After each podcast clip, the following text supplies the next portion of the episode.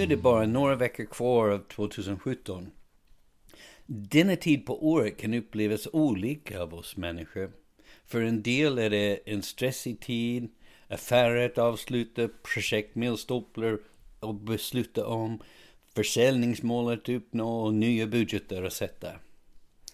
Allt detta ska ske samtidigt som gåvor ska köpas, fester ska fixas och firas. Eh, och har man barn är det en oändlig ström av lucier och utställningar och uppvisningar. Men för andra kan denna årstiden vara en av de jobbigaste. Många känner sig ensamma och övergivna. Vänner är upptagna med sina familjer och deras egna familjer kanske bor långt borta. Eller kanske har de varit borta sedan länge. Det finns många unga i landet som försöker komma på hur de ska kunna känna sig hemma i detta nya främmande land. Och det finns gamla människor som har inte känt något annat hem än Sverige men ändå känner sig som främlingar. Jag träffade en äldre man för ett tag sedan som sa att han inte var rädd för att dö. Han var rädd för att leva för länge. Han var rädd för den ensamhet som han hade sett andra gamla hamna i. Jag är med i en välgörenhetsorganisation som heter Transfer.nu. De organiserar vuxna som föreläser på gymnasieskolor och de vuxna går ut och pratar om sitt arbete.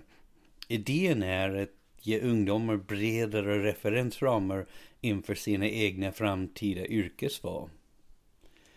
Eh, jag vet själv när jag gick i gymnasiet, jag kunde inte lista upp mer än kanske en handfull eh, yrkesroller. Skulle någon ha sagt till mig att jag skulle jobba med de saker som jag faktiskt har jobbat med så hade jag förmodligen inte ens förstått vad de pratade om. Så jag tycker att det är en ganska viktig eh, uppdrag som Transfer eh, uppfyller. Och det är alltid en spännande utmaning att föreläsa för dessa ungdomar. Men samtidigt otroligt upplyftande för mig. När jag står där och ser ut över deras ansikte och en del leker med sina telefoner och andra halvsover. Och några tittar förväntansfulla på mig och hoppas få lära sig något. Ju närmare slutet av min presentation jag kommer, desto flera har jag med mig. Men det är sällan att jag upplever att jag har alla med. Igår hade jag en föreläsning för ett gäng gymnasieelever och läraren ville att jag skulle prata om ledarskap. En ung man till och med föreslog att jag skulle åka tillbaka till USA. Och läraren sa efteråt att det hade gått mycket bättre än förväntat och förklarade att det var en jobbig grupp. Han bad om ursäkt för ett par elever som inte var mentalt närvarande. Och jag sa att jag alltid brukar intala mig själv att om jag bara når fram till en enda elev så har jag gjort någon nytta.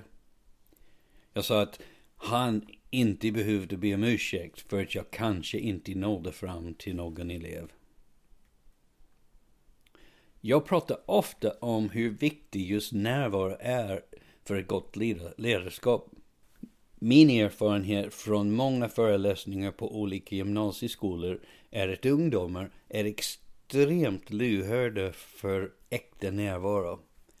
De märker om någon verkligen ser dem eller om de bara ser förbi dem. De märker om man pratar med dem eller bara till dem. Äkta, genuin närvaro kompenserar många andra brister.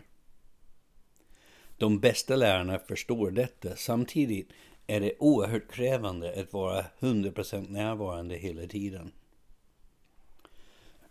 Under kommande veckor kanske vi kan alla vara lite mer närvarande i våra egna liv.